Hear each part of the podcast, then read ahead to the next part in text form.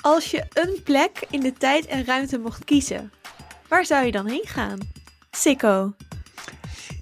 Ja, je bent dan geneigd naar een heel groot historisch event te gaan natuurlijk. Omdat je dan uh, daarover kan vertellen en kan zeggen dat het helemaal niet zo is zoals het in de boeken staat. Maar ik ben eigenlijk heel opportunistisch hierin. Ik zou naar het Wembley Stadium willen. Toen daar live Queen optrad in het, zeg maar, op het, het grote moment in hun, carrière. Galileo, live at Wembley Stadium. Dat zou ik echt fantastisch vinden. Natuurlijk kom ik. nou, ga jij naar Galileo? Luna? Nou, echt alleen maar als ik nog terug kan komen. Dat is natuurlijk wel de grote vraag. Want ik heb echt geen zin om stak te zijn in de 17e eeuw. Nee, dus... Nee, uh, er gebeuren toch allemaal hele spannende dingen in die Oh my god, nee, zo kut. Ik bedoel, wij hebben nu één pandemie en moet je zien hoe kut het gaat. Maar moet je je voorstellen dat de pest gewoon een, een, een, een regelmatig terugkerend event is. En dat je nog niet weet hoe dat allemaal werkt met virussen, bacteriën, douchen. Oh. Zo'n kalender op de muur van 35 dagen sinds de pest. Oh, weer naar nul. Fucking onhandig ook, want je hebt op dat moment twee verschillende kalenders. Ik zou de hele tijd in de war zijn of ik nou op de Sacred Timeline zat of niet. Nee. Same. Nee, voor mij zou dat ook echt een voorwaarde zijn. Als, het, als je wel terug kan reizen, zou ik naar het oude Rome willen om te zien hoe het eruit zag. Met dat, dat het niet alleen maar marble was, maar ook gekleurd. Want het lijkt me gewoon heel vet. Ja. Maar als ik niet terug kan keren, dan zou ik naar Beyoncé Coachella willen. Volgens mij was het 2018. Mhm. Gewoon omdat ik daar heel graag bij had willen zijn. En dan kan ik die tijd nog wel inlopen. Ja, ik heb gisteren echt super erge vetvlekken gemaakt op mijn lievelingsjurk. Dus ik wil eigenlijk ook terug naar gisteravond. Snap ik. Ja, turn off. Zo mondain. Ja, sorry hoor. Dit is de Vierkante Ogen Show, de popcultuurpodcast van dag en nacht. Vandaag praten we over de vierde aflevering van Loki, Nexus Event. En jongens, wat een aflevering. Ja. Wow. wow. Ik ben blij dat ik het even na kan bespreken met jullie, want ik ben fucking helemaal in de war. Ik ook. Het is zo fijn dat het kan. Ik ben ook blij dat jij er weer bij bent, Sico. Want um, ja. hoe waren eigenlijk jouw afgelopen twee weken? Ja, ik was twee weken in Asgard hmm. eh, op vakantie. En uh, daar heb ik uh, mijzelf eventjes weer alle Thor-films laten kijken. Lekker. Dat was erg leuk. Slim. En uh, de, trouwens, net erg leuk, vond je die, die tweede Thor-film, die is echt een partijke ruk, jongen. Niet te zuinig, maar van Ragnarok wel heel Ragnarok is echt top, hè? Ja, ja die is echt leuk. Dus uh, dat heb ik in de tussentijd gedaan. Bruin geworden, zo te zien? Zo, man hé.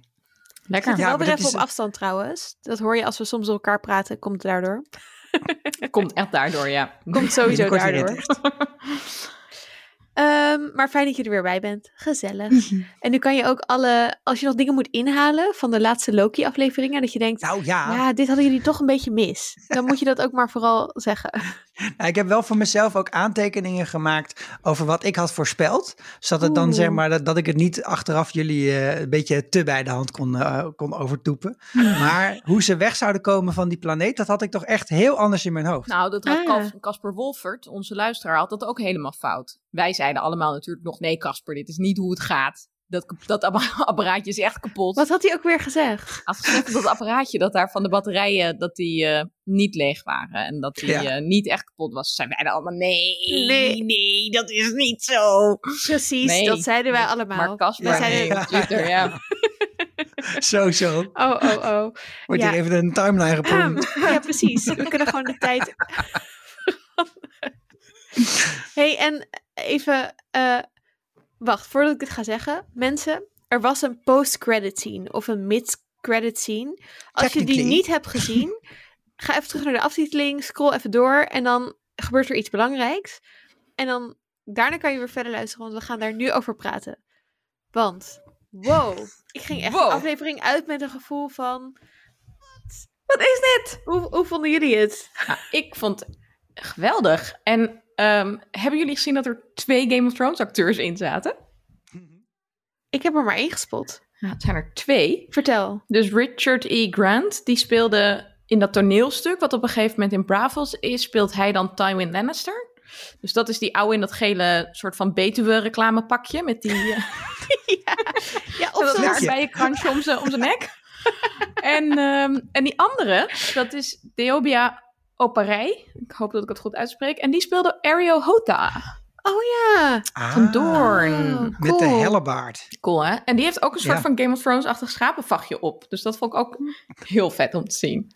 Vond Ja, leuk. we moeten hier echt nog even. Nou, ik, ga ook meteen het grapje delen wat ik zo leuk vond dat ik er al de hele dag op moet lachen. wat iemand op de met nerds om tafel Slack eh, deelde. Ehm, dat was Mosredna. Ehm, namelijk, je zag ook een lizard Loki. Ja. Ja, Of, zoals hij zei, Kroki Loki. Of Lizzo Loki. Kroki ja, volgens mij was het een alligator, maar ik vind het grapje grappig genoeg om het uh, al let it go. Yes. En, en we gaan het vast straks wel over de inhoud van Ja, deze ja, ja. met de scene hebben. Maar ik wil even wel op hebben gemerkt ook dat ik die pakjes die ze allemaal aan hadden, Ja. dat ik het echt wel een beetje een niveautje kick-ass vond.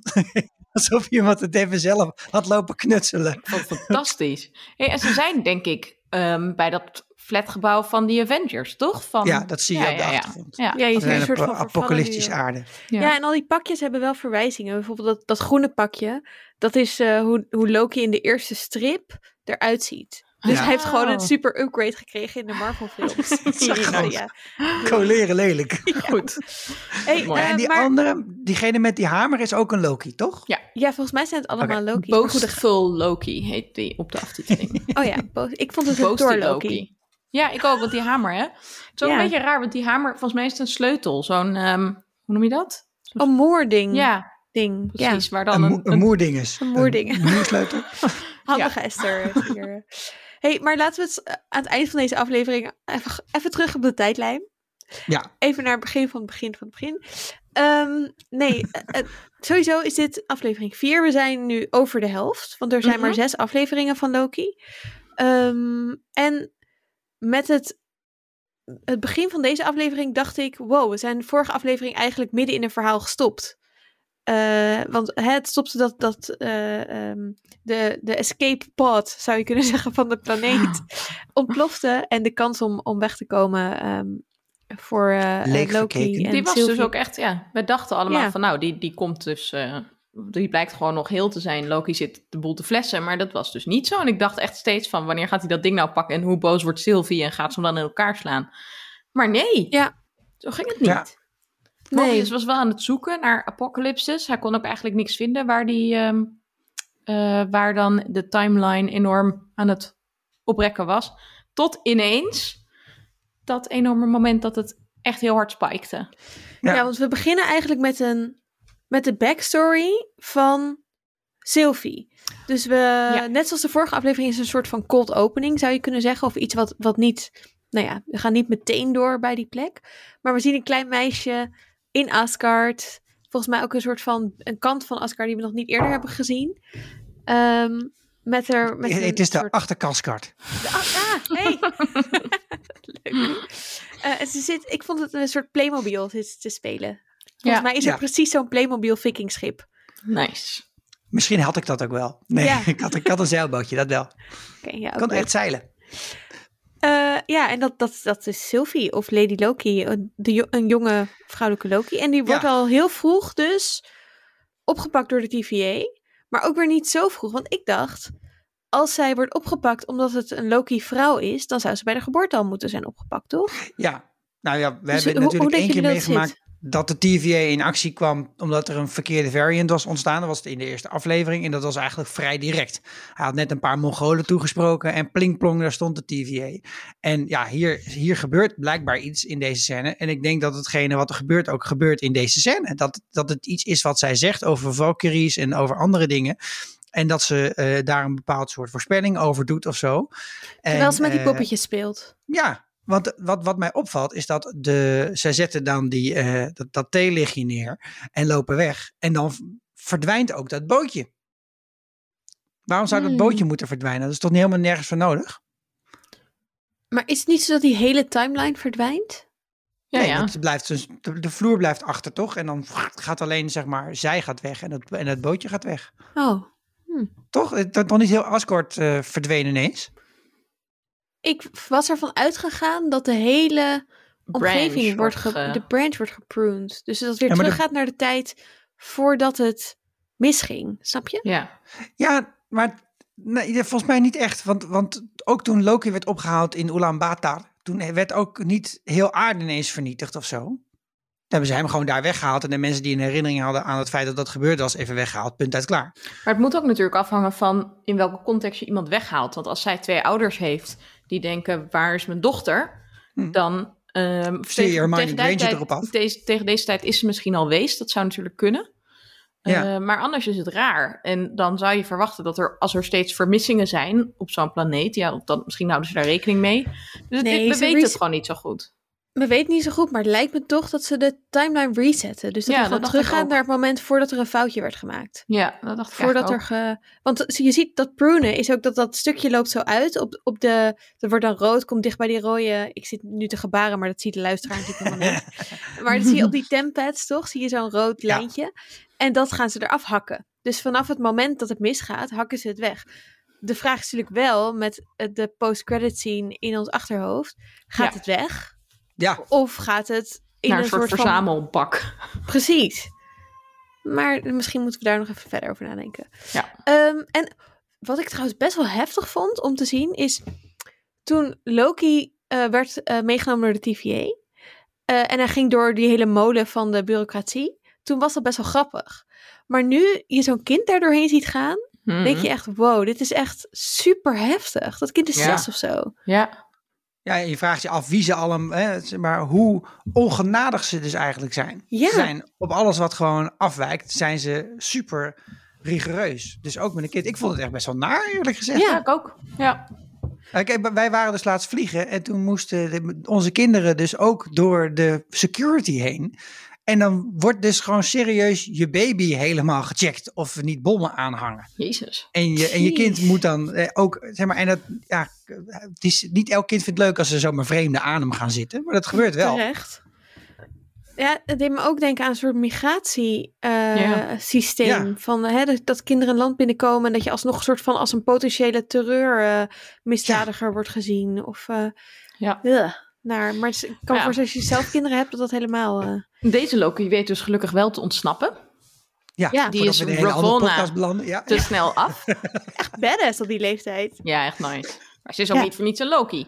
Maar dat Ja, noemt ze zich dan later niet meer. Dus ook een beetje de vraag, noemt ze zich geen Loki meer omdat ze weet dat ze getarget is omdat ze een Loki is? Of is er later nog iets gebeurd met een Loki, waardoor ze nu is van, nee, ik ga mezelf geen Loki meer noemen. Hmm. Meer flashbacks. We willen meer flashbacks, ja. Meer flashbacks. Ehm, ja, en, en dit verhaal, nou, ze vertelt dit verhaal niet helemaal aan Loki, maar als ze samen, zeg maar, op het einde van de wereld eh, aan het wachten zijn, vertelt ze wel dat ze al sinds jong door de TVA achterna wordt gezeten. Ehm, en ik vond het wel fijn, want vorige aflevering zijn we eigenlijk toch best wel weinig over de haar te weten gekomen. En nu vertelt ze toch best wel veel ook aan Loki. Waardoor ik werd bevestigd in onze theorie van... Oh, Loki wilde gewoon informatie. Ja, zeker. Maar hm, Dat, dat was ook Ja. wel zo, denk ik. Maar had- Die dingen kunnen ook wel tegelijkertijd bestaan. Maar ik had wel echt voor mezelf ook opgeschreven aan het einde van aflevering 3. Van je, je komt hier niet meer weg in dit verhaal. Tenzij de TVA je op komt halen. En dan moet er iets gebeuren wat bijzonder is. Want anders dan gaan ze het niet zien. Ja. En ik vind het überhaupt een risicovolle strategie om op deze plek en op deze planeet en deze tijd te gaan schuilen. Want dan flikkeren gewoon de hele tijd meteorieten uit de lucht. Dus dat vind ik een tikkeltje ongeloofwaardig eerlijk gezegd. ja, maar dat zei. Lament, dat zei eh, Sylvie toch ook van... Hoezo heb je deze apocalypse uitgekozen? Ja, is dat was natuurlijk heel dom. Ja. Wel grappig Leven ook dat zij dus gewoon, doordat ze zo'n tempad heeft, dat ze gewoon al die dingen kende. En dat is trouwens ook iets waar we natuurlijk nu achter kwamen. Ehm, twee afleveringen geleden, in de tweede aflevering, dachten we dat ze bij die Renaissance Fair C20 stal met die tempad. En dat het er ging om die tempad. Maar dat bleek dus toen niet zo te zijn. Ze bleek gewoon die. eh, ze bleek een tempad al te hebben, maar ze bleek dus C20 te kidnappen. Echt om achter die locatie van de Timekeepers te komen. Hmm. Oké, Goed dat helder. je dat even recht zet. Ja. Nou, hè? Nee, maar serieus, vinden jullie het niet moeilijk om het allemaal bij te houden? Ja, wel echt best wel moeilijk. Ja, Ik kijk dan elke aflevering twee keer, maar ik vind nog steeds ik, eh, echt een klapblokje nodig. dat is echt Nee, best wel ja. ingewikkeld. Ja. En dan kijken wij hem nog twee keer. Misschien dat de luisteraar echt denkt, terwijl hij luistert... Twee keer, beginnelingen. Nee, nee, juist andersom. Een soort van, oh ja, thanks dat jullie het even recappen, want ik heb maar één keer ik was gekeken. net alles alweer vergeten. Ja. Ehm, ik vind het, de gesprekjes die zij hebben op dat moment, vond ik wel eh, echt best wel interessant. En volgens mij ook wel een soort van foreshadowing voor de rest van de aflevering. Bijvoorbeeld een soort van... Het gaat over wat maakt een Loki. Mhm. En dan zegt Loki... Loki's don't die, they survive. En dat is natuurlijk wel... We hebben hem al vet vaak dood zien gaan. En altijd komt hij weer terug, zelfs na Endgame. Mhm. Dat we dachten, dat is echt de end. game. maar... eh, What's in a name? what's in the name? En zelfs als hij gepruned wordt, blijkbaar... Wordt hij Ja. weer wakker ergens Ja, anders. Ik vroeg me hier dus wel af, is het... ehm, waardoor komt nou uiteindelijk het Nexus-event... waardoor Mobius ze op zijn radar krijgt? Want je denkt... Is het omdat ze besluiten dat ze toch een soort van sprankje hoop krijgen van we don't die, we survive? Dat dat ineens een soort van in gang zet van nee, wacht, we gaan toch vechten. Lijkt het toch niet echt te zijn, want die mogelijkheid lijkt er niet te zijn. Maar is het dan gewoon echt alleen maar dat ze elkaars arm vastpakken? En dat ze met elkaar verliefd worden? Ja, wat denk jij? Ja, ik denk het eigenlijk wel, maar... Ik denk het ook. Nou, Dit is, dit is something a Loki doesn't do. hebben we zoveel vertrouwen in de liefde? Ik, ik denk het eigenlijk niet. Hmm. Oh. Ik denk namelijk dat, wat ze ook zeggen in dat gesprek, is dat, ehm, dat zegt Sylvie volgens mij, dat de universe chaos wil. Mhm. En dat daarom Loki's bestaan, want Loki is chaos. En de Mhm. TVA is zeg maar het tegenovergestelde van chaos, is een soort van roekeloze eh, controle. Nee, juist niet roekeloos. Nou ja, totale contra- controle. En ik-. Ik denk dat twee Loki's teaming up en echt voor elkaar kiezen. Dus niet zozeer romantische liefde, maar gewoon een soort van. Wij zijn een team. Dat dat Mhm. soort van de ultimate chaos is. En dus het tegenovergestelde Oh, van de Casanova. TVA. Lekker. En Oké, daarom oké, denk oké, ik maar dat het gebeurt. Maar goed, J- jullie, jullie twee interpretaties zijn volgens mij nog wel samen te breien. ja, Hè, dan ga ik ja. even de broker spelen door te zeggen dat, eh, dat Is Sikko de, enige- power broker? De enige manier waarop dit kan gebeuren, dat er, dus, dat er dus zoveel chaos ontstaat, is doordat twee Loki's verliefd worden op elkaar. En dus Mm, dat ja, Loki ja. eigenlijk verliefd wordt op Ja. zichzelf. Want dat wordt ook wel gezegd later door Möbius, dat van ja, dit, dit, heb ik gewoon nog nooit gezien in een Loki. Ja. Dat hij dat hij zoveel liefde voor iemand heeft. Double Dus- trouble. Double trouble. Ja, hey. Ah. Oeh, dat voelt wholesome, hè? Ja, Zo, lekker. Ze was ze zo samenkomen. ik vond het ook trouwens wel, eh, het deed me heel erg denken aan zo'n oude Griekse mythe, dat alle mensen als soort van tweetallen geboren worden, een mannelijk en een Oh ja. vrouwelijk deel, of soms dus twee mannen of soms twee vrouwen, en dat je dan dus op zoek gaat naar een soulmate die ergens op de wereld is en dat zij elkaar nu gevonden hebben. Ja, daarom past het zo Ah, in elkaar. Zo leuk. Maar het is ook een beetje weird dat ze verliefd worden op zichzelf. Ja, Wel heel Loki. Ja, het is echt heel Loki. Ja, nou ja, een beetje misschien is het logo. ook wel een goede, een goede vraag voor ons en ook voor onze luisteraars. Van, vind je jezelf leuk genoeg om verliefd te worden op jezelf? Wow. Aardig voorwaarden, toch? Laten we daar volgende week over hebben. Ja. Eh, even kijken. Ja, dan eh, komt de TVA. Ik vond het jammer dat er geen montage was. Had ik echt wel zin in. Wat voor Van Mobius? Oh, die dat dan ze al die... eh, Bij de dino's en dan Mobius op een jetski zo van... Oh, hier is ook zo een disturbance. En dan... Nee. sorry, even hier kijken. Oh. Ja. Ja. En dan echt een lekker muziekje er ook onder. ja, precies. Ja, Ja, dat nee, had ik ook wel Helaas. gevonden. Maar goed, we kunnen niet alles kant, hebben. gemiste kant. Misschien krijgen we het nog. Ik hoop het, ik hoop het. Ehm, ja, de TVA neemt ze gevangen en Loki krijgt veel minder bewakers dan Sylvie. dat was heel grappig. Dat vond ik heel leuk. Ja. Oeh, oeh, mag ik trouwens nog heel even een klein timeloopje terugnemen? Zeker, De- terug op de De- timeline. de- Er kwamen twee deuren kwamen er op eh, die planeet, op Lamentis. En ik dacht heel even dat het een soort game zou zijn. Van, gaan ze nou samen met, kunnen ze samen door één deur? Of kunnen ze niet samen door één deur? Zit achter En- deze deur de auto? Of achter Ja, deur? precies. En dat er dan ineens een geit is. En dat dit eigenlijk een Monty Hall dilemma is, maar dan met twee deuren. Nee, maar ik, had dat ser- ik dacht serieus even dat, dat, het, dat het iets was, zeg maar. Want al die andere mensen, die komen toch ook niet steeds allemaal uit aparte deuren. Ze komen toch altijd uit één deur? Ehm, dat nee, weet ze ik krijgen apart, aparte deuren volgens mij. Toch wel? Oké, Ja, nou, want- dus ook eentje gewoon bij het terugkijken nog eens op te letten. Want ik had heel even het gevoel dat er misschien nog wel, dat daar straks nog wel een soort eh, clue in zou kunnen zitten. Dat, dat ze eigenlijk helemaal niet eh, dezelfde waren. Ik dacht wel dat bijvoorbeeld toen ehm, eh, in, de, in aflevering 2 aan het einde, toen je al die TVA-mannetjes zeg maar op, op weg zag gaan naar de eh, gebombardeerde timelines, Mhm. dat ze Ja. dan wel met een aantal achter elkaar ach- door één deur rennen. Ja. Maar Mm, het ja. kan dus ook misschien wel zijn dat ze gewoon denken: ja, we moeten wel tactisch zijn. Want als we in ons eentje door de deur komen, dan, dan is er dus altijd heel even één iemand tegen twee. Dus als je juist van twee kanten wil aanvallen, is misschien wel slimmer. Slim, slim. Zou kunnen. Zou ik doen. Chaos. Met chaos, Chaos. beantwoorden. Ja. Ik vind het een goede tactiek. Ehm, even kijken. Loki komt in, eh, in een memory loop Oh man, wat kut. als Ja. een straf. Oh, dat moet toch echt verschrikkelijk zijn. Ah, lijkt Ja. me hels. Het Ja, leek toch? me, leek, deed me aan zo'n Black Mirror aflevering denken. Volgens mij hebben we daar wel eerder over gehad met, eh, met die gast uit Mad Men. Het John is ook echt een Sisyphus-kwelling. Daarom vond ik het heel grappig dat ze Sif heet. Ik dacht ook, misschien is eigenlijk dit wraak omdat hij haar syphilis gegeven heeft. Kan niet meer. Dat zou kunnen.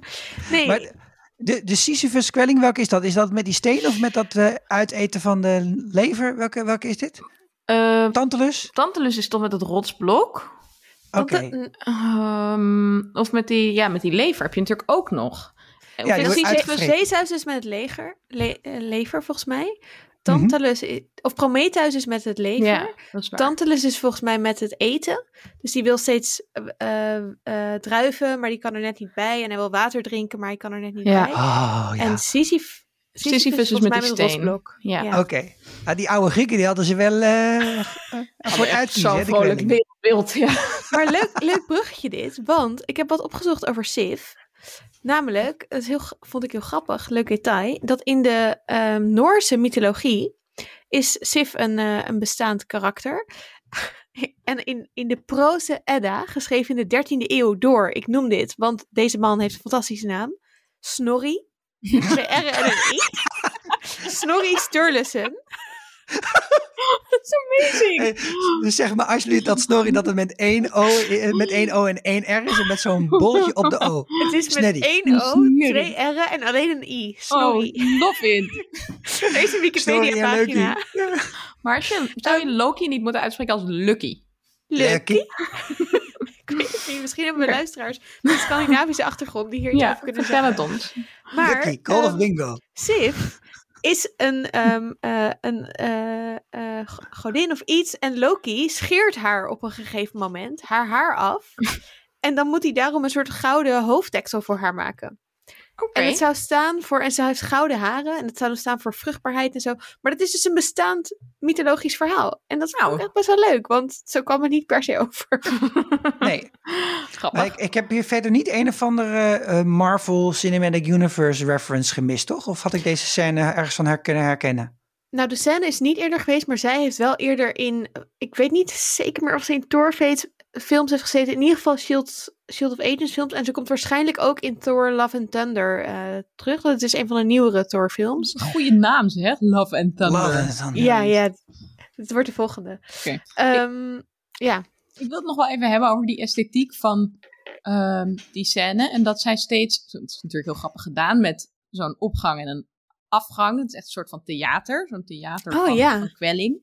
Maar het is ook een soort van boog hè, waar ze uitkomt. Maar die heeft ook een beetje de vorm van een vulva. Zag ik er in elk geval in. Eh, kun je zeggen Dirty Mind, Joy Forever. Maar je kunt ook zeggen dat dat symbolisch heel erg logisch is. Omdat dat natuurlijk elke keer de geboorte opnieuw hè, Oh, mooi. Dat vind Ja. ik leuk. poëtisch.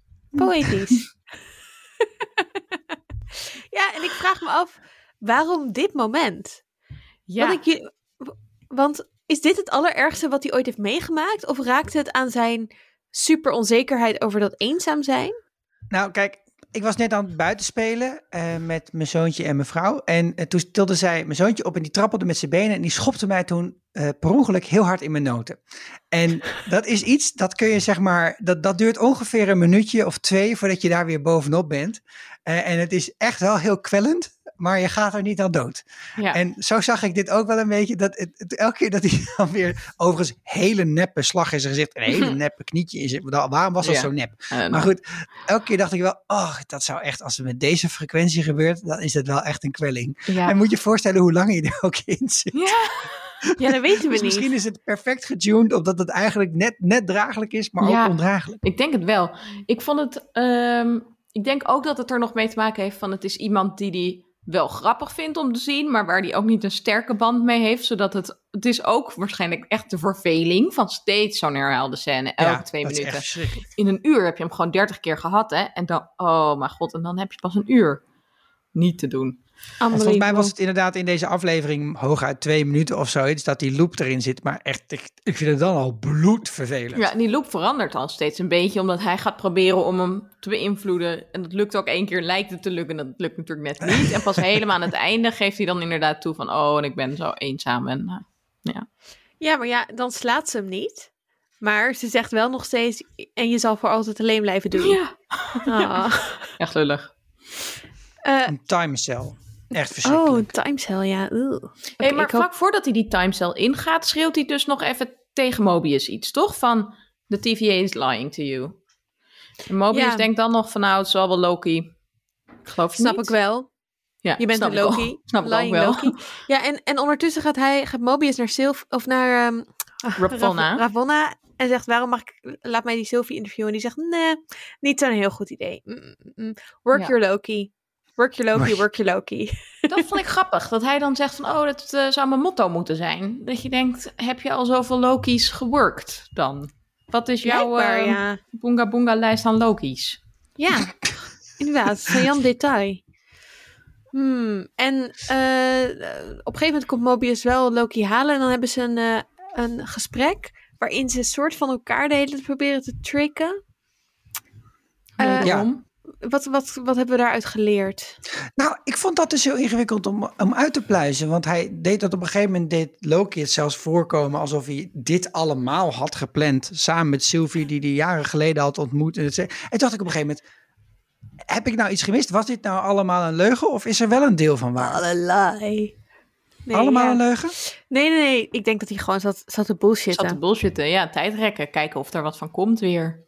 Ja, en zij zaten allebei tegen elkaar te bullshitten volgens mij. Want hij zei natuurlijk ook, ze is dood. Dat Ja. was helemaal niet zo. Nee, kijken Ze probeerden dat allebei te one-up of zo is elkaar. Ja. We hebben in- in dit gesprek dan niks geleerd. Nou ja, uiteindelijk is Loki wel eerlijk. Hij wil wel heel graag die informatie delen eigenlijk met Mobius. Wat ik vond een beetje blijk uit het gesprek dat ze elkaar eigenlijk heel aardig vinden dat ze zich oprecht door elkaar verraden voelen. Dus waarom Mobius dat ook doet, hem teasen zo en, en dat is volgens mij omdat hij zich echt, echt dacht dat hij vrienden was met Loki. Ja. En het echt niet chill vindt dat hij, dat hij hem niet meer kan vertrouwen. Ja. En dat Loki het ook echt kut vindt voor Mobius dat hij een variant is. En het eigenlijk ook daarom wil zeggen. Van ja, dude, het fucking TVA is ook met jou aan het kloten. En eigenlijk willen ze dus allebei eerlijk zijn tegen elkaar, omdat ze elkaar eigenlijk chill vinden. Maar omdat ze elkaar niet meer vertrouwen, kan dat niet. En uiteindelijk doen ze dat toch. Ik bedoel, uiteindelijk Ja. is, is Loki wel eerlijk. Ehm, onder de druk van je moet terug in je, in je loop. Mhm. Ehm, en dan doet Mobius wel cool van ja, ja, whatever, je bent weer aan het liegen. Maar he planted the seed there. Hmm. Ja, dit is eh pam, pam, pam, pam, pam, pam, pam, Inception. En dat zaadje, Toch? Dat dat, ja, dat Ja. gaat ook weer terug toch naar C15. Dus Mobius deelt met C15. Die vraagt een beetje van, goh, heeft Loki nog iets tegen jou gezegd? En daar vermoed je al van, oh, dan heeft misschien wel Sylvie iets gezegd tegen C15 al op dit punt. Maar dat weten Ja. we niet, dat hebben we nog niet gezien. Ehm, en dan na TVA's line dan zie je C15 weer een beetje gek kijken. Ja, Ja, Maar maar, dat haar komt doet toch dat ook wel omdat echt zij- iets aanzetten. ja. Maar is, is het ook omdat C-15 in de vorige aflevering wel door Sylvie werd aangeraakt en ook zo'n soort van Ja, in die tweede momentje- aflevering. Ja. tweede aflevering, dat er ook wel iets gebeurde, zeg maar. Dat ze daardoor waarschijnlijk ook een stukje meer eh, ontvankelijk is om te denken, hè, iets klopt gewoon niet helemaal. Iets is Mhm. niet helemaal in de haak. Ja, want we hebben in de vorige aflevering geleerd, het is eigenlijk een van de weinige dingen die we geleerd hebben over Sylvie, dat haar magie zo werkt, dat ze mensen in hun hoofd eigenlijk trapt. Dus wat ze bij C20 deed, dat heeft waarschijnlijk dan toch niet zo heel lang geduurd. Want blijkbaar deed ze ook dat overnemen van een persoon, doet ze dus denk ik ook door hun in hun gedachten binnen te dringen, ze ergens iets te enchanten. En dus ik denk wel dat alleen al door haar aan te raken en haar lijf over te nemen, ze Mhm. C15 iets heeft laten zien uit Ja, het verleden. En, en die dromen, het is ook weer Inception dus eigenlijk. Hè? Dus zowel het Mhm. planten van een zaadje met een soort giftige gedachte, wat volgens mij de clue is van die film. En, maar ook het stukje met dat als je iemand in dromen iets laat doen, hè, terwijl ze in slaap zijn, dat dat dromen dus uh, kan 20 uur duren en dat duurt op aarde of in de andere werkelijkheid dan maar een uur. Dat is hier eigenlijk ook gebeurd dat steeds. Dat, dat, dat die mensen hele belevingen hebben, die dan als je kijkt hoe lang het in de echte tijd duurde, dan maar heel kort duurde. En dat is grappig genoeg ook wel een beetje mijn ervaring met dromen. Dus dat, dat je het gevoel hebt dat je, heel gewoon, leven dat je dagen of weken weg bent geweest en dan vloep. En dat, dat, daar is ook wel onderzoek naar gedaan. Dat, dat schijnt ook echt zo heel snel te gaan eh, binnen in je hoofd. Dus het komt niet helemaal nergens Maar ook wel met iets herinneren, toch? Dat je even terugdenkt aan een moment van jaren geleden. Dat hoeft soms echt, is het maar een beeld. Heel even, één seconde. En dan kun je dan wel tien minuten helemaal van van de leg zijn. Dat is ook een beetje wat je bij die um, C15 nee, B15 heet ze. Oh, B15. B15 en C20 hebben we. Dus hmm. B15 die zegt dus ook van, nou, maar had ik niet iets gezien? Wat is er eigenlijk aan de hand? Ja, ja en, en B15, uh, om, om dit verhaallijntje even af te maken, um, gaat uiteindelijk dus ook naar binnen bij Sylvie. En neemt haar mee terug naar die, uh, eigenlijk dat moment dat ze in de regen voor die Roxcard staan. Ik vroeg me wel af, wat, wat laat Sylvie haar nu zien? Wat zou ze zien? Waarom zien wij dat niet? Hmm. Zou het belangrijk zijn dat, dat, we dan, dat dat nog terugkomt of juist helemaal niet belangrijk? Ze zegt wel, I look really happy.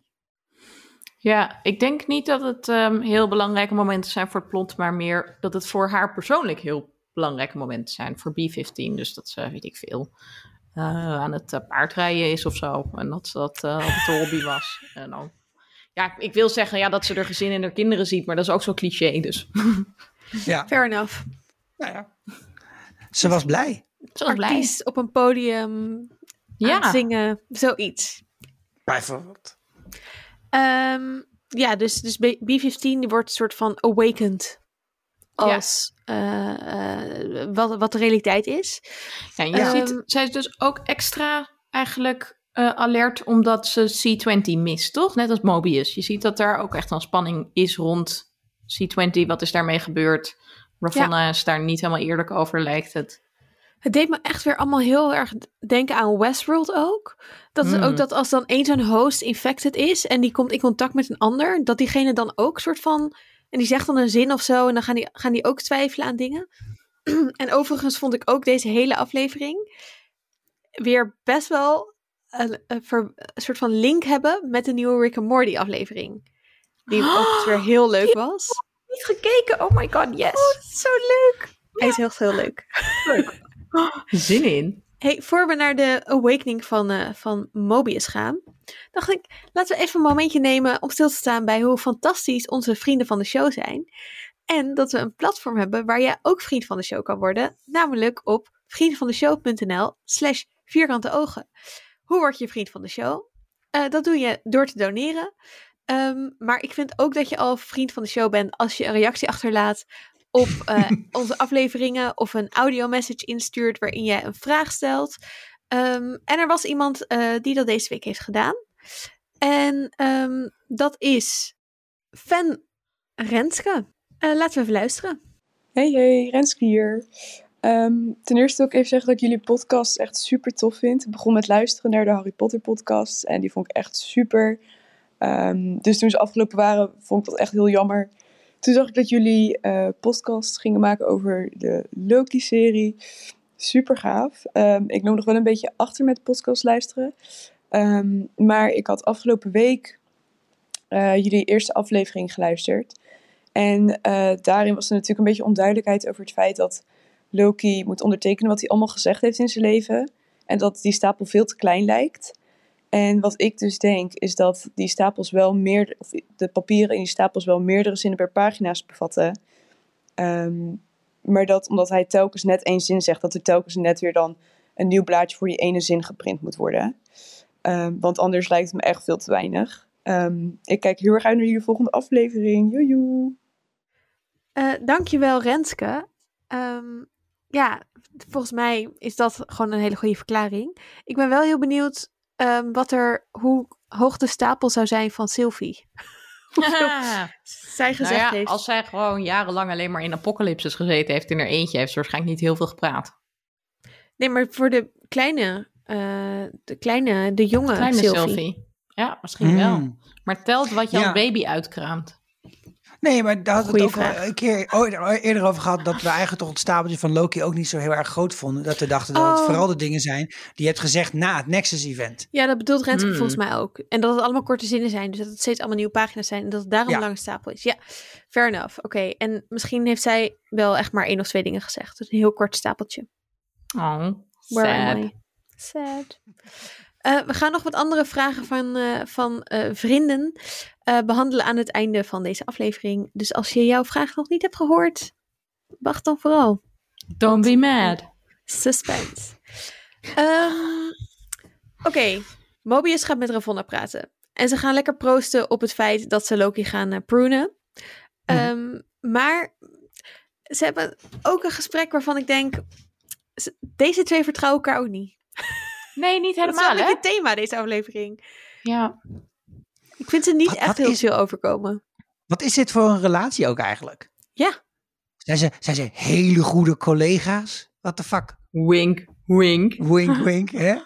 Zo van, Collega's hey, met benefits. Ga je nu al weg terwijl je pas twee drankjes in je mik hebt? Ja, ze doen wel flirty tegen elkaar. Ze doen hartstikke flirty. Ja, maar ook een beetje toxic.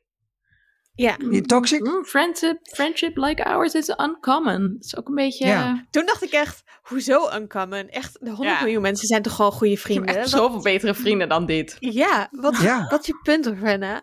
De hele Nou ja, fucking ja. timeline? Wat is hun referentie? Dat Ja. is de hele tijd het verhaal. Dat, dat de time works differently hier in de TVA. En we komen allemaal zijn gemaakt door de timekeepers. Dat iedereen daar oké mee is, vind ik ook al heel raar. Van oké, allemaal broers en zus of zo. What the fuck? Maar Hoe dan? Kun je dus niet neuken. Maar, en, ja, tenminste, ja, Best wel groot probleem. wel, veel. eh, Maar weet je wel niet dat wat hebben? Misschien kan één timekeeper zelf mensen creëren. Een beetje zoals Zeus gewoon in zijn eentje soms kinderen kon krijgen. En die andere twee samen. En dan kun je dus wel, als die ene van die ene is en die andere van die andere twee, dan mogen ze wel met elkaar neuken. Oké, nou Oké, fijn dat we fijn. dat Goed over nagedacht, hè? Ja. Opgelost. My Jesus. Nee, maar hun, hun, hun referentie is zeg maar hoe de rest van die wereld in elkaar steekt. En wat ik grappig vind is dat we komen dus in de TVA nooit uit het gebouw van de TVA. En dat gebouw is ook gebouwd op een manier dat het eigenlijk volgens mij ook gewoon één grote Möbiusband is. Want ik heb het gevoel dat ik de hele tijd door dezelfde ronde gang aan het lopen ben. Ja. En dat ik steeds op dezelfde plekken terechtkom. En er is, er Wat is wel een iets Möbius met... band?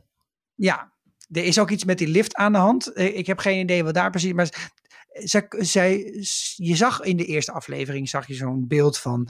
eh, als je uit het raam kijkt, dan in de TV zie je allerlei andere dingen.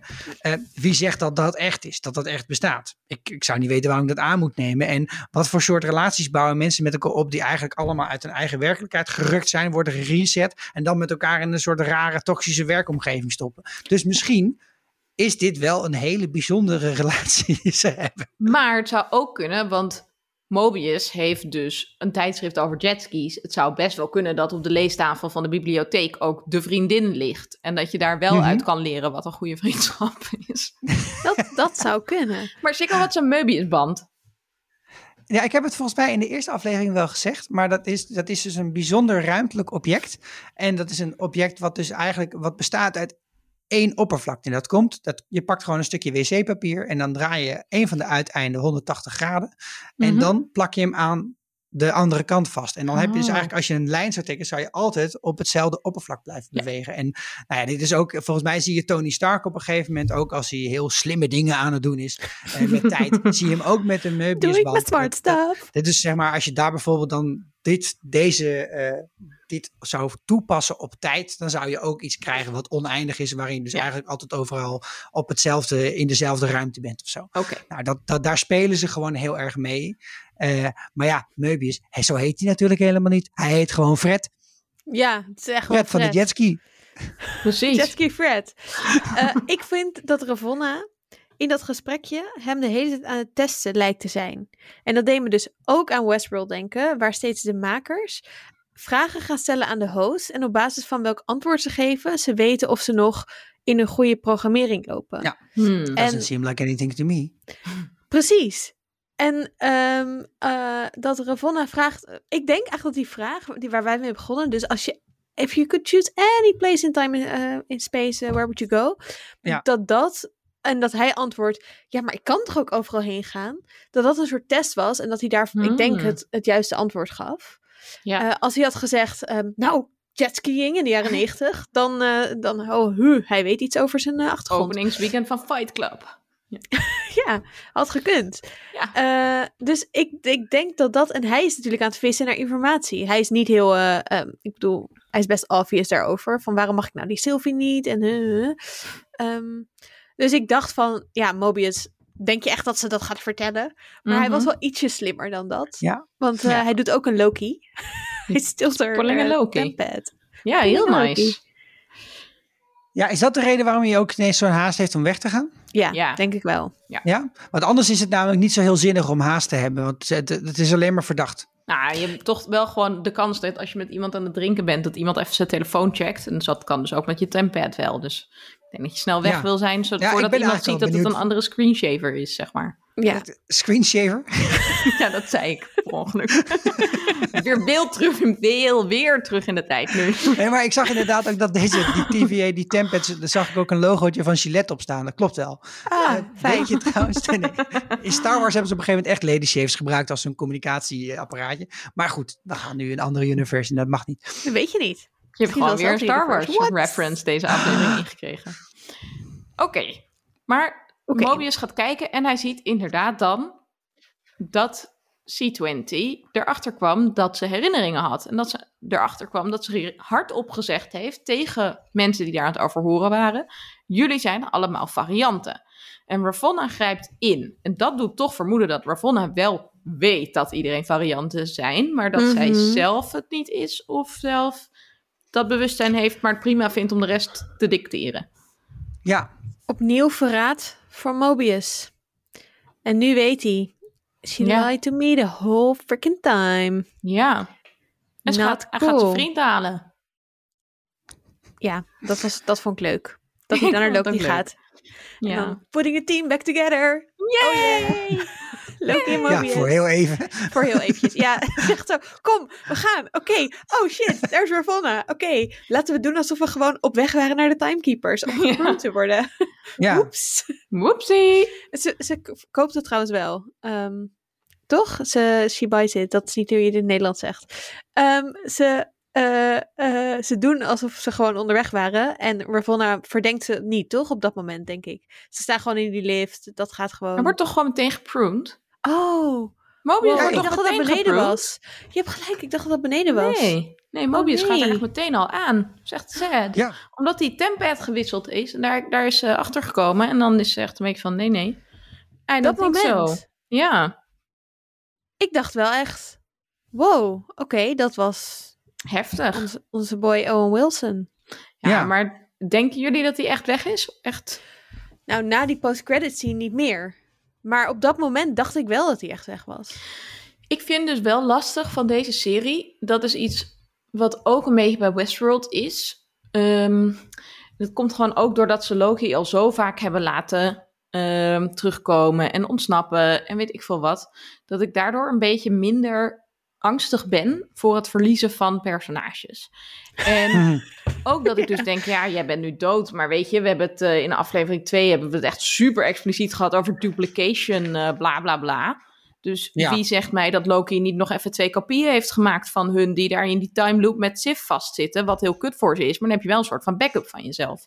En dat vind ik wel lastig aan deze serie en alle slimmigheidjes van Loki ehm, en de rol die hij heeft, dat ik daardoor wat minder denk, ja, dit is heel serieus. Ik moet nu echt heel bang zijn voor dit hoofdpersonage. En Ga je ook daardoor bij denk je- Wilson minder dus. binden.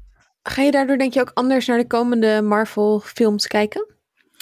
Nou, ik heb toevallig net Black Widow gezien. Dat, eh, Wat? Ja, ja. Ehm, Is hij al in de bioscoop dan? Hij is nog niet in de bioscoop, maar ik mocht wel naar de preview. Dus dat was fucking awesome. Ehm, nee, het is echt een hele vette film.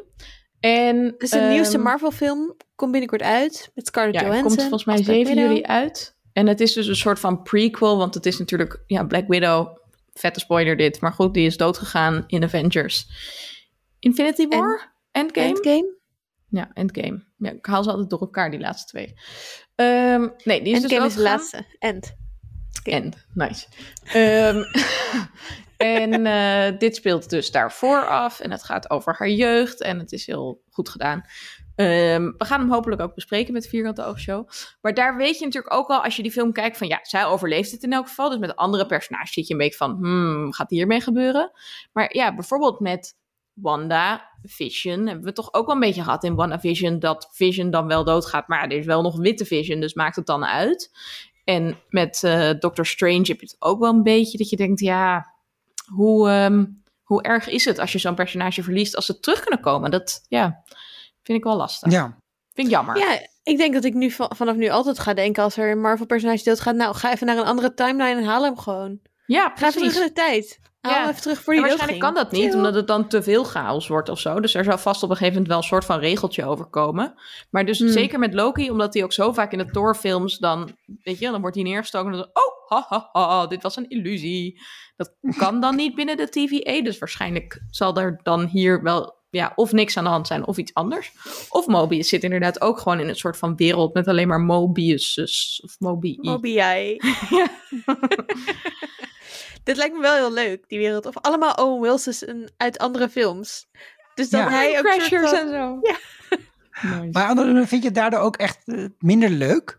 Nou, ik vind het wel nog steeds heel spannend en het is heel grappig. En je zit daardoor natuurlijk ook veel meer te kijken naar de, eh, naar de grapjes en hoe snel het gaat. En welke alliance is er nog en hoe word ik als kijker een beetje voor de gek gehouden. Dus dat vind ik er nog steeds heel erg leuk aan. Maar ik vind wel dat de stakes, de emotional stakes, daardoor wat lager zijn. Ja. Ik herken wel wat je zegt. Het is eigenlijk tegenovergesteld als Game of Thrones. Waarin je de hele tijd dacht, vanaf seizoen 1... Wow, op elk moment kan elk groot Ja. karakter gewoon doodgaan. En dan is het gewoon... Deze Tot vet leuke 7 persoon. en toen dacht je, oké, ze overleeft allemaal wel. Precies. Tot, tot Game of Thrones slecht werd. Ehm, maar dit is... Ja, ik vind ook wel de stakes zijn wel anders. Maar Ja. voor mij zit nu wel de spanning wat meer in... Maar hoe dan? maar Hm. dat is ook mijn nerdheid. Ja, ook, ik vind het ook wel weer heel leuk dat er dus gewoon ergens in aflevering 5 gezegd kan worden van... Haha, hier was een time loop, lol. Dus dat Voelt is ook je- wel weer grappig. Maar het is, het is Ja. daardoor wel anders kijken. Het gaat meer om de humor en de grapjes en de slimheid... dan om de emotionele band met de personages of zo. Nou, en, en wat deze series, dus ook om dan te bespreken vanuit eh, onze bespreking van WandaVision, die hebben wel als heel, heel groot verschil, vind ik, met veel van die films, dat ze echt hun best doen om eh, dialogen te schrijven en stukken acteerwerk tussen mensen die ook echt in, in, in zekere zin eh, moving zijn. Ja. Dus wat ik gewoon heel leuk vond in, het, in, in, de, in de, zeg maar, de interrogation met Möbius en dat, dat, dat ze gingen overtoepen en met liegen, maar dat hij op een gegeven moment ook wel zei van nou, eh Sylvie is dood. En dat je ziet dat Tom Hiddleston ook moet acteren. Mhm. Hij hoeft niet alleen maar gewoon een, dingetje te zeggen en te glimlachen aan het eind. Want dat hij goed geoefend heeft, want dat is hij heel wel herkenbaar goed. inmiddels. Maar hij moet ook emoties tonen. En daarom Ja. is eigenlijk misschien, zou, misschien voor de gemiddelde Marvel-kijker zou het wel te erg zijn om dan ook nog do- een dode Loki te hebben. Ja. maar ik zou de- dat, dat zou nog wel meer spanning geven. Nou, ik, Ik- denk, ik- ja. Ik denk dat, dat Loki dus aan het einde ook niet doodgaat. En ik vond dat heel leuk dat je bij Loki inderdaad ook ziet, Loki wordt verliefd. Dus dat is echt een nieuwe karakterontwikkeling. In dat opzicht Ja. biedt de serie ons heel nieuws. Maar ik zag gewoon ergens een review van, oh, het is zo jammer dat dit de laatste serie of de laatste aflevering was met een dialoog tussen Owen Wilson en Tom Hiddleston. En toen dacht ik, denk het eigenlijk niet. Probably Maar het zou kunnen, zou ik heel jammer vinden. Dan zou ik het ook eigenlijk een, een heel abrupt einde vinden. Zou ik ook gek vinden. Maar ik denk ook gewoon niet dat dat zo is. Want ik denk, ze komen allebei nog terug, samen. Ik wil zo nog iets zeggen over verliefde Loki. Want, maar misschien moeten we dat doen op het moment dat zij weer nog een gesprekje hebben. Want we hebben eerst nog een ehm, kennismaking met de timekeepers eh, voor de boeg.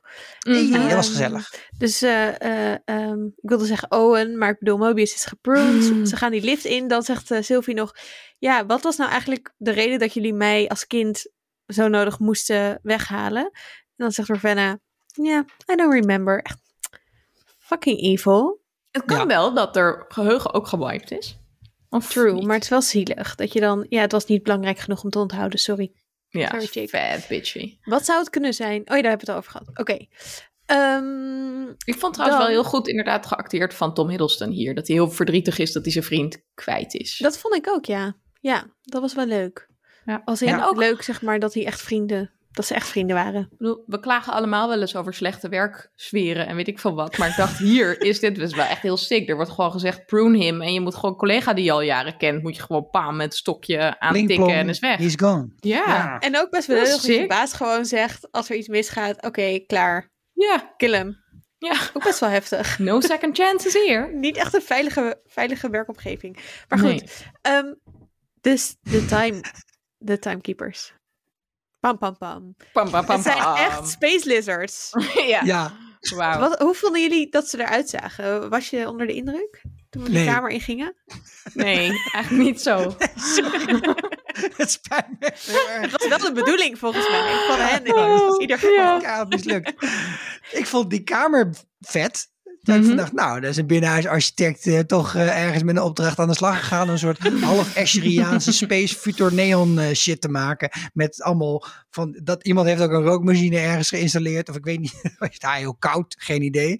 Maar dat vond Ze ik zag vet. eruit, ja. Maar toen ik ze daar zo met z'n drieën zag zitten, toen had ik eigenlijk al heel erg sterk zo'n zo'n sprookjesbos Efteling vibe. Ja! Dat ik dacht, dat was het is gewoon langnek. Dat was Ja! Het zag er nep uit, toch? Het zag er echt nep uit. Ja. En ook de manier waarop ze praten was heel nep. Vooral die walrus. Die mimiek was heel gek. ja, nee, ik, ik dacht echt, oh, ik dacht dat Disney wel beter was in de CGI shit. Ja. Ja. Zo, map, map. Ja, ze had Ja. Muppets. Ja. ja. Maar Nee, dit was niet dus- zo heel erg ja. indrukwekkend. Nee, en ik vond ook eigenlijk dat, zeg maar, in het gesprek was het ook zo van, eh, heb je nog laatste woorden? En dat, dat Loki daar ook op reageert van, gast, kom ik daarvoor hierheen? dat, dat vond ik eigenlijk ook wel vet. Ja, dat Dus, leuk. dat is, dat, ik vond dat vanaf het begin af aan, kijk, eh, Loki heeft natuurlijk gewoon in de eerste aflevering al gezegd van, sorry hoor, maar dit is echt, dit is gewoon echt heel raar. Wat hier gebeurt is echt Is gewoon het raar. ook? En, en doe even normaal. en, en, en dat heb ik gewoon met die hele TVA nog steeds. Ik denk ook de hele tijd. Ik weet niet wanneer, ik weet niet waar de TVA is. Ik vind het dus ook nu met deze onthulling dat het gewoon robots zijn of androids, vind ik het nog veel minder indrukwekkend. Er is eigenlijk nog maar één ding dat overblijft. En dat is dus als je in de TVA eh, bent, dan werkt je magic niet meer. Dus het is, moet wel een hele bijzondere plek zijn. Hmm. Dat is het enige wat het nog going for it heeft. Want de rest is gewoon eigenlijk alsof je de Wizard of Oz tot het einde hebt gekeken. Het is gewoon helemaal afgelopen. Ja, om ze- door te gaan. Oh. Ja, Nee, ik heb een theorie. Mijn hele theorie is eh, nu dat, er, dat de TVA, dat er geen ehm sacred timeline is. Ik heb al in de vorige afleveringen daarmee zitten puzzelen. van hoe werkt het nou precies? Want ik snap, ik snap het gewoon niet. Je hebt één sacred timeline, maar je hebt ook een blijkbaar, en daar heb je de echte Loki met de Avengers, maar je hebt blijkbaar ook een timeline waar Lady Loki ontstaat. En die wordt was gepruned op het moment dat er, weet ik veel, iets gebeurt. Dus dat betekent al dat je twee timelines hebt. Mhm. Oftewel, het klopt Mhm. gewoon niet. Het feit dat ik het niet snap, is, is mijn nieuwe theorie. Omdat het niet snapbaar, snapbaar is. Er is gewoon een Snappable TVA. people. En de enige reden dat die bestaat, is om zogenaamd... De, om deze mensen macht te geven over die medewerkers van de TVA. En om een soort van een reden te bedenken om in te grijpen in wereldevents. Ik weet niet. Ik Ja, denk dat het gewoon allemaal bullshit is. Bullshit, Dat, bullshit. dat wil ik best wel graag geloven. Ik denk dat daar wil ik ook wel een, een, een stukje mee. Ik bedoel, als je dingen sacred gaat noemen, dan weet je überhaupt van, nou, dat heeft iemand verzonnen en dat is nep. Nou, hè, ik bedoel, we hebben nou eh, de, een goed, goed aantal wat millennia met de mensheid erop zitten. En meestal blijkt dat dan gewoon onzin te zijn. Maar wel een goede reden om een fucking grote piramide te bouwen. Wat ook wel leuk Wat is. ik eigenlijk, toen ik dat, toen dat hoofd eraf ging en het daar lag. En je zag die eh Ravana nog steeds gewoon gaan, ervoor gaan. Toen dacht ik eigenlijk, dit is Zij, zij. zij wist dit al lang. Mhm. En ze heeft altijd dat, dat, dat, zij heeft dit steeds een beetje meegespeeld, dit eh, toneelstukje. En zij is misschien wel, en daar komt even een hele rare vergelijking, maar ik denk dat die kan werken. Zij is misschien wel, eh, zeg maar, de machtige variant van Cypher uit de Matrix. Dus even terug naar de Matrix 1, waarin je dus allemaal in een, een of andere pot zit en meedoet aan iets, iets een totaal inefficiënt energieopwekkingsproces voor robots. Ja, daar is op een gegeven moment zegt Cypher, Lou Cypher, die met dat sikje in die kale kop, die zegt, weet je wat, ik kies ervoor om er gewoon in te geloven. En als jij me dan weer terugstopt in de Matrix en ik ben een of andere fucking baas, ik wil heel veel geld, kan elke dag steak eten, vind ik het helemaal prima. En ja, goed, zij is natuurlijk ook gewoon heel erg de machtige. Zij zegt gewoon, ja, fuck it, ik, ik heb gewoon de, de pil, ge- ik heb die andere pil genomen en ik eh, heb gewoon besloten dat, eh, dat ik hiervoor ben. Ja, maar ik heb wel veel macht en ik heb een, eh, veel, whatever, invloed. Ja, Nou, en ik kan uh, Owen Wilson als een puppet bespelen. Ik vond het raar en ik twijfelde eigenlijk op het moment dat zij door Sylvie dreigt gepruned te gaan worden. Want dan zegt ze, doe maar. Want en dan lijkt ze te doen alsof het een soort opluchting is. Dus daar lijkt toch ook wel meer achter te zitten. Hmm. En ik vond me dus heel erg af. Op het moment dat zij Mobius pruned, weet zij dan dat hij gepruned wordt naar een andere dimensie. Waar hij lekker met alle mhm. andere am Amobiussen mag zitten. Ehm, of niet. En ja, of, of is het voor haar een verlossing als ze uit haar rol bevrijd wordt? Is zij dus wel bewust van alle gruwelijkheden die ze moet doen, maar kan ze niet anders? Gaat natuurlijk ook steeds over vrije wil en, en dat soort dingen. Dus dat, ik, het is mij nog niet helemaal duidelijk dat zij dan de upper evil bureaucratic bitch is, zeg maar. Ik denk het ook mhm. niet. Ik denk dat zij wel weet dat als je gepruned wordt, dat je gewoon naar een soort van pocket uh, dimensie of uh, over naar een plek gaat waar je niet meer uit kan of whatever. En dat zij weet dat degene die echte macht heeft, haar daar wel weer uit zou halen. Hey Freddy. wil ook meedoen. Hij heeft ook een mening. Ehm, nee, dus dat, dat denk ik eigenlijk. Trouwens, hoe Wizard of Oz was dit? Heel erg. Dat vond ik heel leuk. Dat soort van, kijk, er zit een puppet Maar wie is dan de puppet player? Wie is de, de wizard, de, de man achter het gordijn? Dat is dus een beetje de vraag. Dat is een beetje de vraag, maar de, de, Jij denkt dus er hoeft niet iemand achter het gordijn nee, nog te nee, zitten. Nee, nee, dat precies. Misschien is het hmm. allemaal crap. Ja. Ja, ik denk dan wel dat je een te grote bureaucratische organisatie hebt opgetuigd. En dat er toch wel iemand daar belang bij moet hebben. Mhm. Ehm, en dat is denk ik toch niet alleen maar die varianten prunen en aan het werk zetten. Want waarom zet je ze dan aan het werk of waarom haal je ze dan uit die tijdlijn? Een soort bezigheidstherapie. Maar er is toch denk ik wel een soort idee van er zijn meerdere tijdlijnen. En als er te veel komen, dan gaan ze misschien met elkaar crossover events doen. En dat moet dan weer niet. Ja. Dus ik denk toch wel dat er ergens een soort van bepaalde vorm van orde moet zijn. En een bepaalde groep, misschien wel mensen die daarachter zitten. Of eh, een bepaalde, ja, ja, nou kijk, het, omdat ik dus net al die Thor-films uh, weer heb zitten kijken, viel mij ook één quote op uh, van de Grandmaster van Sakar. Die zegt namelijk op een gegeven moment: Time works differently out here. Nou, dat lijkt wel heel erg op dingen die we eerder hebben gehoord. En die Grandmaster, de fantastische Jeff Goldblum. Oh ja, dat was zo Die, die, is dan ook al miljoenen, misschien wel miljarden jaren oud. En die woont op een planeet waar blijkbaar heel de wereld, zeg maar, de, de andere galaxies hebben, meer hebben afgesproken. Daar mag je je afval dumpen of zo. Super ik weet niet helemaal wat de logica achter dit verhaal is. Maar dat is wel, dat komt wel een beetje over als van, nou, er is dus ook een soort outer rim van, de, van het uh, heelal. En daar zitten allemaal hele rare planeten, hele rare galaxies. En eentje daarvan is toevallig een plek waar allemaal afval wordt neergezet en waar een of andere Eternal zit. En die zit daar de hele dag gewoon een beetje lol te hebben en uh, gladiatorengevechten te doen. En in die outer rim kan misschien ook wel ergens gewoon een planeet zitten van een stel, uh, van een stel gasten die zeiden, die, die, die zijn eigenlijk ook afval aan het verwerken, maar die zijn dat in de, in de chronologische zin van het woord aan het doen. En dat hier gewoon een heel nieuw verhaal aan aan het ontstaan is, zo aan de rand van het heelal, met allerlei planeten die zo fucking vage en, en esoterische uh, nut hebben. Maar als je nadenkt over de macht die je krijgt, als je, dus waarom zou iemand dit willen doen? Dan denk je, diegene wil dat er iets gaat gebeuren. Die wil iets creëren, die wil, iets, die die wil zorgen dat er maar één uitkomst is van de tijd. En als je die vraag stelt, vind ik het wel, kijk ik wel echt heel erg uit naar erachter komen Mhm. Wat, wie dat dan is en wat de be beweegredenen daarvan zijn. Is dat de timeline waarin eeuwige vrede uh, tussen alle planeten komt? Denk het niet. De epiloog. Um, een bepaalde baby die geboren moet worden. Een bepaalde. Nou ja, ja. Ik, ik kijk echt uit naar een soort van de, de beweegredenen. Als, als niet die Space Lizards het hebben gemaakt. Wat dan wel? Wie dan wel? Waarom? Ja. Ja. Nou ja, chaos en orde zijn natuurlijk wel van een vrij fundamentele orde. Als uh, krachten in het heelal. Dus dat die daar aan de grondslag liggen zou ik best oké vinden. En ik zou ook nog wel kunnen leven met een situatie waarin er dus een soort van ideologie is. Om iets te bereiken die eigenlijk Waar ze, waar ze dan zelf ook achter komen, ja, maar dat kan ook helemaal niet. Maar dat ze het wel heel lang hebben geprobeerd. Ik bedoel, dat, dat hebben we ook in de wereldgeschiedenis vaker gezien. Dat de uh, hele samenleving dat duizend jaar probeerde. Maar dat het toch echt niet lukte om met bloedoffers ervoor te zorgen dat de uh, planeten in een goede lijn kwamen te staan. Ja. Fair enough, zou ik zeggen. Er is nog wel één ding wat ik over die scène wil zeggen. Ja. En dat is dat um, Loki gaat iets zeggen tegen Sylvie vlak voor die gepruned wordt. Ja.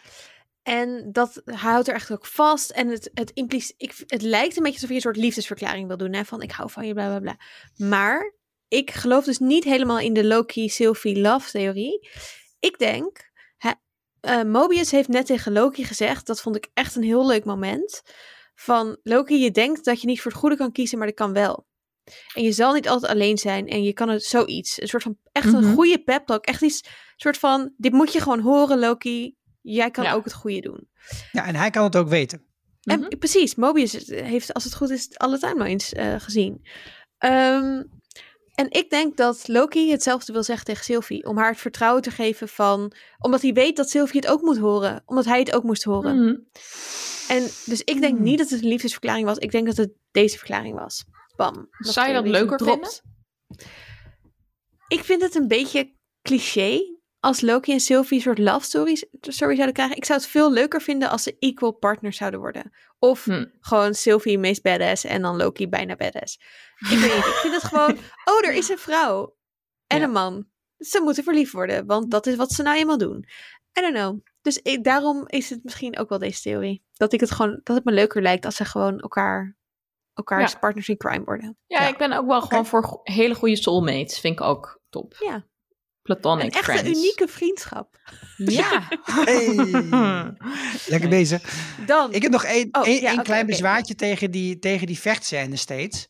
Eh, niet alleen vond ik dus dat met Sif, dat was wel heel erg nep. Ik bedoel, ik kon gewoon zien dat, dat die vuist zo langs zijn hoofd ging. Maar wat ik ook wel heb met die pruning stokjes of zo. En ik echt denk, ja maar echt gasten, dit is echt een, dit is een lijp, levensgevaarlijk wapen. ja. Niet alleen voor degene die aan de verkeerde kant van het stokje staat, maar ook echt heel erg gevaarlijk voor jezelf. Ja, en ook ze doen alsof je daar echt iemand vol mee moet raken. Terwijl, ik denk toch ook, nou, als je dat ding nou zeg maar tegen iemands knie zou schampen, dan is hij toch ook gepruned. Of dan is hij nou voor die knie weg en dan kun je daarna toch de rest prunen. Je, zo staat, je, je hebt altijd wel die filmpjes met die, die gast met die nunchakus die dan zichzelf in zijn bek mapt. Dat, dat moet je ook maar gebeuren, zo Nou ja. mid-flight. Dat je, ben je zelf ook weg. Ik, ik vind het gewoon... Je ziet op een gegeven moment ook een soort shot dat ze dat, ze, dat één iemand met zo'n stok slaat. En dat hij eigenlijk, dat je ziet, als hij gewoon follow-through zou doen, dan zou hij ook gewoon raken. Maar dat eigenlijk de, de, de acteur zelf ook al zo van, oeh, kou me even in. Ik denk, dit, dit, het werkt gewoon niet zo goed voor mij. nee, ben ik wel mee eens. Ja. De endscène. Hè, hè, yes. De post-credit, mid- mid-credit, whatever. Loki lives. En Loki die is lives. alone. Ja, dus Loki wordt wakker en vraagt zich af wat de hel is. Maar nee, zegt volgens mij een jonge Loki. Oh my god. Ja, ja dus we zien, eh, we zien vier Loki's, denk ik, op hem eh De toekijken. lega vanuit- van Loki's. What, the Loki League? Ja. op, hem, eh, op hem neerkijken. Wow. Ja. Vanuit New York City, dus waarschijnlijk. Apocalyptisch New dan- York City. Ja, een andere timeline misschien. Ja, het, dat, is, dat, dat is dus wel een goede vraag. Eh, want het is wel dus duidelijk in New York City waar een soort, eh, ja, waar, waar een ruimteaanval is geweest of zoiets. Hè, waar, wat heel erg lijkt op gewoon de Avengers. Daar, zo, daar doet het mij aan denken. Dan Mhm. De toren is kapot, et cetera. En het zou dan wel eens een keer een timeline kunnen zijn waarin ze dus met de Avengers dus niet is gelukt om dit, eh, dit, deze, eh, deze disaster af te wenden. Maar waarbij het gewoon is gelukt. Waar Loki heeft Mhm. gewonnen dus Waar Loki heeft gewonnen, ja. Precies. Dat lijkt me wel tof. Maar ik, ik snap nog steeds niet helemaal wat het dan is. Nee, En en waarom vooral je daarheen niet gaat. omdat het dus Loki vraagt, is dit de hel? Nee, maar wel als we hier niet snel weggaan. Dus het is ook niet alsof de Loki's daar dan helemaal de baas zijn en kunnen doen wat ze willen. Dat het een soort van Loki Paradise is. Ja. Dus het is er een zijn evil Loki de vijanden. basis. Oeh, en dat dit dan de goede Loki's die zijn Ja. gelegaat. Oh, Leuk. Want hij is Dat nu een goede leuk. Loki. En misschien Ja. zijn er ook wel Loki's die alle goede Loki's willen uitbannen omdat Loki nou eenmaal slecht moet zijn. Ja. Battle of Loki's. Leuk. Ja, Leuk. dat is mijn theorie, denk Ja, ik. en, en de vraag is dus ook een beetje, ze staan de hele tijd mensen te prunen en blijkbaar is iemand pruned, dan komt hij hier terecht. Ja, of Loki's Dus dit is een soort terecht. van, dat, dit, dit is de, de prullenbak op je bureau. Nou, misschien kun je natuurlijk, het zou kunnen dat je een halfgod niet zo kan prunen als je mensen kan prunen. Toch? Oké, Dat omdat je als god natuurlijk eh, wat eh, minder sterfelijk bent. Of zo. Loki's don't die. dat uitmaken? They survive. Ja, they survive. hey. Mhm. Nou, maar ja. dat, dat zou wel lullig zijn voor Mobius dan, want dan is hij wel echt Ja. pruned. Of Ja. Mobius blijkt toch een logisch te zijn. En volgende aflevering komt Mobius zo de hoek omlopen van pap, pap, pap. Yo, Het zijn yo, natuurlijk yo. allemaal varianten. en zijn ze allemaal variants van Loki? Nou, Dat hebben we ons nooit afgevraagd eigenlijk. En als je, als, je, ook, als je ook een krokie Loki kunt zijn, dan kun je in principe wel ongeveer alles worden, toch? die we hebben gezien is een Loki. Psych! Ja. Psych! Maar, nee, nee, je doet er wel grappig over. Maar dat, dat Nee, zou het toch... kan, het kan. Ja, Het zou kan. me niks verbazen. Gewoon niks Ik ga me gewoon meer. even vastbuiten op dit is deze gewoon een theorie. beetje de Council of Ricks, is dit. Ja, Ja. precies. Ja, maar Dat is zo serieus, leuk, kijk Rick de laatste Morty. aflevering, want het gaat Ja. van over variants. Oh, nice. leuk.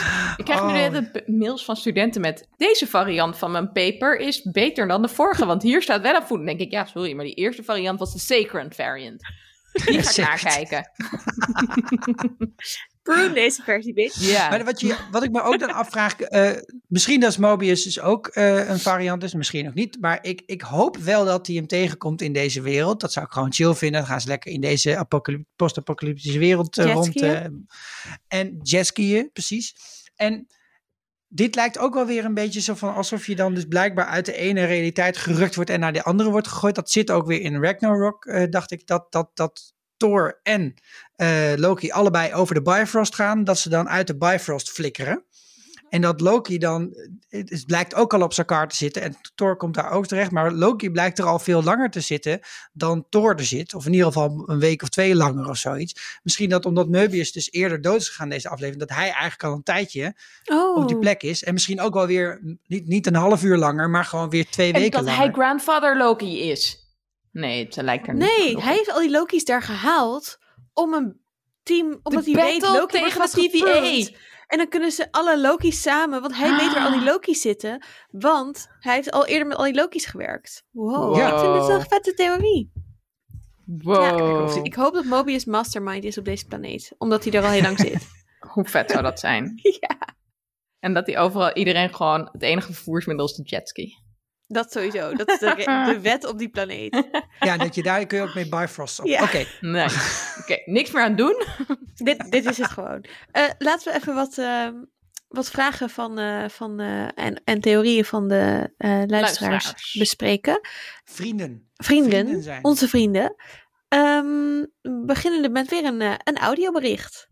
Hallo, Tim hier. Groot fan van de podcast en trouw luisteraar. Ik heb een theorie en ik vroeg me af dat jullie het daarmee eens zijn. Ik denk namelijk dat de MCU-series vooral op zichzelf staan en weinig invloed zullen hebben op de MCU-films. De films zijn namelijk meer gericht op het mainstream publiek, die niet allemaal ook de series kijken. En dus vaak ook niet volledig op de hoogte zijn van de gebeurtenissen in de series. Om deze redenen denk ik dat de series altijd als achtergrondverhaal zullen fungeren en films nooit direct in vervolg zullen zijn op series. Hoe denken jullie hierover? Groetjes, Tim. Ja, ik vind het een leuke vraag van Tim. En dus de gedachte dat omdat er minder mensen zijn die naar de series kijken dan dat er naar die films gaan, die blockbusterfilms, dat er dus in die series nooit dingen gaan gebeuren die van echt hele grote consequenties zijn voor het lopende verhaal van de MCU Universe. eh, Universe. Dat, dat vind ik wel ergens een slimme zet. Dat zou een logische manier zijn voor, ehm, voor Disney om het aan te pakken. Maar ik zou het wel fucking laf vinden. Want als je zo'n heel universe overkoopt en vindt van joh, we moeten hiermee aan de slag en we gaan er echt, we gaan er echt schrijfwerk tegenaan zetten, wat ze oprecht echt wel hebben gedaan. Ook zeker WandaVision was, was opmerkelijk goed geschreven. Dan zouden ze zichzelf wel heel erg tekort doen als ze die series van zo weinig betekenis laten zijn. Dus misschien heb je wel helemaal gelijk Tim, maar ik, ik hoop stiekem dat het niet zo is. Dat, het, dat ik niet voor jou lul deze serie zit te kijken. nee, dat, zo voelt het niet. Maar, maar dat, het, dat, dat het juist wel van enige betekenis is. En dan kun je het ook omdraaien. Dus er gebeuren hele spannende dingen in de serie. En dan begin je met een film. En die film moet toch altijd even ingeleid worden. En dan wordt, leiden ze gewoon in. Oh, trouwens, ja, de Hulk was hier een Loki. Nou, en eh, verder met het verhaal. Dat zou prima kunnen eigenlijk. Ja. Dus eh, ik, ik hoop dat ze serieus, zeg maar, het is het, één deel van dit verhaal is natuurlijk, ja, eh, Marvel opgekocht, Disney proberen dat uit te buiten, de laatste titel leeg te maken, et cetera. Maar dan vind ik ook, dan moet je een verantwoordelijkheid nemen, dat je ook iets creatiefs en iets moois maakt. En tot nu toe met WandaVision en ook met deze serie lijkt dat er oprecht wel op, dat ze hun best doen om iets moois te maken. Dus ik geef ze nog even het voordeel van de twijfel. Zo, ben ik klaar. Ik vind ook wel dat het vergelijkbaar is met andere films. Andere Marvel films. Dus er zijn natuurlijk ook heel veel Marvel films die niet door alle mensen bezocht worden die wel de Marvel films kijken. Dus heel veel mensen gaan alleen maar naar de grote Avengers films. Hebben misschien een keertje later Captain America gekeken en later Ja. nog een keertje Thor Ragnarok of zo. Maar als je het verhaal van die Avengers wil weten, hoef je niet per se alle vier de Thor films of alle drie de Iron Man's gezien te hebben. En dat geldt denk ik ook een beetje voor de serie. Dus als jij een bepaald personage heel leuk vindt, dan ga je dat ook nog kijken. Als jij eh, bij een volgende film eh, ineens denkt, waar komt White Vision vandaan? Vision was toch dood? ja. Dan ga je nog even terug naar WandaVision. Sorry voor mensen die ik dit nu eh, aan het spoileren ben. Maar goed. Pech. Ja, weg. Niks je meer te doen. film toch wel achtergekomen. Ik denk ook dat ze het gewoon een beetje zo gaan oplossen van in, in Madness, Multiverse of Madness, zo van, oh ja, Wanda, jij bent echt eh, door een hele moeilijke periode gegaan, hè? En dan weten we allemaal, oh, dat was WandaVision. Maar de mensen die dan niet WandaVision hebben gekeken, die weten gewoon, oh, zij had blijkbaar een moeilijke periode. Ja. Zoiets. Ja. Nou, en wat ook dus heel erg typisch is voor Marvel, is dat dus dat, dat karakter steeds opnieuw een soort van reborn worden en gerecast worden en weer er heel anders uitzien. Dus dat het natuurlijk waar hier ook een beetje eh, een loopje mee wordt genomen met zo'n bejaarde in een van de slecht zittende spandex pak. Maar dat deden ze ook in WandaVision overigens heel erg. Dat maar dat is wel ook, de, dit is de kern van de zaak. Dat, dat Marvel altijd heeft gezegd, ja, en, eh, en in deze, in deze Ja. stripreeks zit het zo. Ja. Hey, wel een goed bruggetje naar een vraag van eh, Joost op Twitter, of een tip eigenlijk. Ja, ja, ja, ja. Ehm, Namelijk dat eh, over WandaVision, dat daar eh, de post-credit scene, die heel belangrijk is van de allerlaatste aflevering van WandaVision, dat is namelijk een soort linkje tussen ehm WandaVision en, in ieder geval zo hebben we dat al, al geïnterpreteerd, en de nieuwe eh, Doctor Strange film die eraan komt, Doctor Strange and the Multiverse of Madness, waar ook confirmed is dat Wanda daar een grote rol in gaat spelen, ehm, dat, dat daar wat edits in zitten. Sikko, jij had daar naar gekeken? Ja, en eh, ik dacht eerst van, eh, wow! En toen dacht ik nog een keer, eh, je ziet wat rare lensflare-achtige shit. Wat als je inzoomt, ja, je, je, je zoomt in op het huisje waar Wanda dan in zit, aan de rand van het meer. En dat, dat- dus er is veranderd dat je een soort raar soort, raar soort ja, vertekeningetje in het beeld ziet. En er zijn ineens veel meer bomen in het, in het shot. Ik zag hier echt helemaal niks. Ik heb dit echt drie keer gekeken en ik dacht, wat moet ik Ja. nou zien? Nou, wat, wat, wat waarschijnlijk de verklaring is van de vertekening, is dat ze hebben geprobeerd iets te fixen. Namelijk het feit dat er eh, in het shot, want het shot gaat van heel breed, naar zoomt het in naar het huisje. En dan zie je licht eh, door het raam naar buiten komen. Van de, aan de achterkant van het huis zit het raam en aan de voorkant ook. En dan zie je licht. En dat hebben ze weggewerkt om het donkerder te laten lijken. Alleen als je dat doet in zo'n shot en je doet dat blijkbaar in een bepaald soort software, dan doe je dat voor het hele shot. Dus dan blijft er ook in het begin van het shot een of ander heel raar artefactje zitten. Dus dat was gewoon eigenlijk niet zo heel erg super spannend. En ehm, er zijn ook heel veel bomen bijgekomen in het shot. Want in het begin, eh, toen wij de eerste keer dat zagen, was gewoon een huisje met drie boompjes eromheen en dan in een vallei. En nu zijn er veel meer bomen. En dat is misschien iets relevanter. Want waar het op lijkt is dat er dus een soort, eh, dat ze dus een scène hebben geschoten die zich afspeelt bij dat huisje, rond dat huisje. En dat ze dat hebben gedaan met bomen en dus dat, Oh. dat ze iets moesten fixen. Van, nou ja, dan, en dan waarschijnlijk hebben ze weer een of andere gezellige vechtscène opgenomen of zo. Die dan moet plaatsvinden in die bomen rond het huisje. Dat is eigenlijk de meest logische verklaring. Of mis ik nog iets, Esther? Ja, ze hebben ook eentjes weggefotoshopt uit Dat- het oh ja, shot. ja. Niet oké. Rip de eentjes. Ja, en eh, ze hebben dus de, de score. Say orthodox. ze hebben de, eh, aan het eind, aan de credits, hebben ze toegevoegd dat die dat muziek die je op het eind hoort, Ja, dat dat de score is van Doctor Strange. Dus dat was even denk ik te veel spoiler om het in eerste instantie in te zetten. Overigens, eh, wat ik las, is dat in de oorspronkelijke WandaVision zat dus wel Doctor Strange. Daar was hij de dokter die die pillen verkoopt in die laatste reclame. En het Nice. idee is dat ehm Doctor Strange die reclames van WandaVision degene was die ze zond, Oh, cool. uitzond. Om haar soort van uit te snappen uit eh, wat er gebeurde. Oh. Eh, en we hebben natuurlijk nooit een verklaring gekregen voor die reclames. Ehm, en dat komt omdat ze dus niet zo duidelijk die link wilden maken al met Doctor Strange. Maar wel cool dat hij dus bewust zou kunnen zijn van wat Wanda heeft gedaan al op het moment. Nice. Oké. Ehm, we hebben nog één het- vraag. ja. Oh, was ja? het toch wel echt, hier waren wel te veel mensen Twitter trending topic van aan het maken voor, voor de Ja. vast, Ja, zeg maar, die het Ja. uiteindelijk was. Ja. Voor een stel jammer. eentjes. Ja. Ja. Het ging, ging waarschijnlijk wel iedereen om die eentjes. Misschien zijn het wel heel bijzondere eenden die nog terugkomen. Ehm, we hadden nog één vraag van Roemers, op Vriend van de Show. Die zei, dag vierkant ogers, dank voor de heerlijke discussies over Loki. Graag gedaan. Stel dat eh Ray dat Loki eh, stelt bi te zijn. Vooral opvallend was de zogenaamde bisexual lighting, blauw en paars, op Lamentis, maar vooral in de trein. Wat te denken van belichting op de hetero-esthetische burelen van de TVA? Wat moeten we daarvan denken? Nou, ze hebben gewoon een hele bijzondere vriendschap. Ja, precies. Ja, ja ik, ik blijf dat een heerlijke eh, design vinden hoor. Ik, ik heb eigenlijk bijna de neiging om een kamer in mijn huis in te richten zoals de TVA. Met dat brutalisme, dat, dat, dat keiharde beton, wat dan toch zo gezellig in de belichting is gezet. Ja, wat, wat moeten we daarvan denken? Is, is dat dan een heel hetero eh, licht? Ja, weet ik niet. Zo komt het niet per se op mij over, maar ik weet niet zo heel veel van. Ik vind het een heel ongezellige uitstraling hebben, persoonlijk. En ook heel seksloos. Het zou ook wel gewoon een hint kunnen zijn dat de TVA eigenlijk gewoon bezig is met de hele universe niet queer te maken. Ja, witte En oude dat- mannen. Dat ze gewoon, nou niet per se witte oude, want deel Witte, van groene TVA zijn, oh ja, al die varianten zijn natuurlijk ook wel veel zwarte vrouwen. Dus het zou kunnen dat die dan allemaal gepruned worden, omdat ze dat niet willen.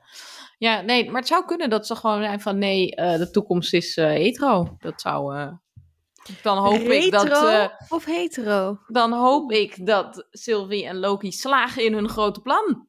Precies. Wow. Nou, ik heb wel ineens een hele andere blik om weer naar de afleveringen te kijken. Ja, ik ga Ja. daar ook meer op letten. Leuk. Yes. Ehm, als jij ook een vraag wil stellen, eh, eh, of eh, je mag ook je theorie met ons delen, of eh, vertellen dat jij het helemaal niet met ons eens bent eh, van een van de theorieën die wij net hebben gedeeld, ehm, ga dan vooral naar vriendvandeshow.nl slash vierkante ogen of eh, reageer op Twitter. Ehm, wij gaan dit weekend naar In the Heights. Een nieuwe film van Lin-Manuel Miranda, van de maker van Hamilton. Ehm, luister vooral onze Hamilton special. Daar kan je een beetje voor genieten van de In the Heights special die we daarna gaan opnemen. Ehm, maar we gaan natuurlijk ook een, eh, de volgende aflevering, aflevering van Loki bespreken. Dus volgende week, nou ik weet niet of volgende week al is, maar binnenkort heb je gewoon een extra aflevering in je podcast app. Chaka. Super nice. Helemaal gratis. Helemaal gratis en voor niks. Vind je dat fantastisch? Doneer dan op vriendvandeshow.nl, want eh, dat vinden wij wel heel erg fijn. En ehm, ja, dat was het dan. dan. Ik kijk heel erg uit naar de volgende aflevering. Ik heb er heel veel zin in. Ja, Ik ben ook. benieuwd man. En ehm, ik vond het heel leuk dat we deze aflevering van zoveel luisteraars hoorden dat ze ons zo leuk vinden. Dus keep them coming, these Ja. messages. Like Oh ja, it. je kan ook nog een review achterlaten op eh, iTunes of al die plekken. Ja, of gewoon aan ons, tegen ons zeggen dat je het leuk vindt. Yay. Dank jullie wel. Tot de volgende. Ciao, ciao.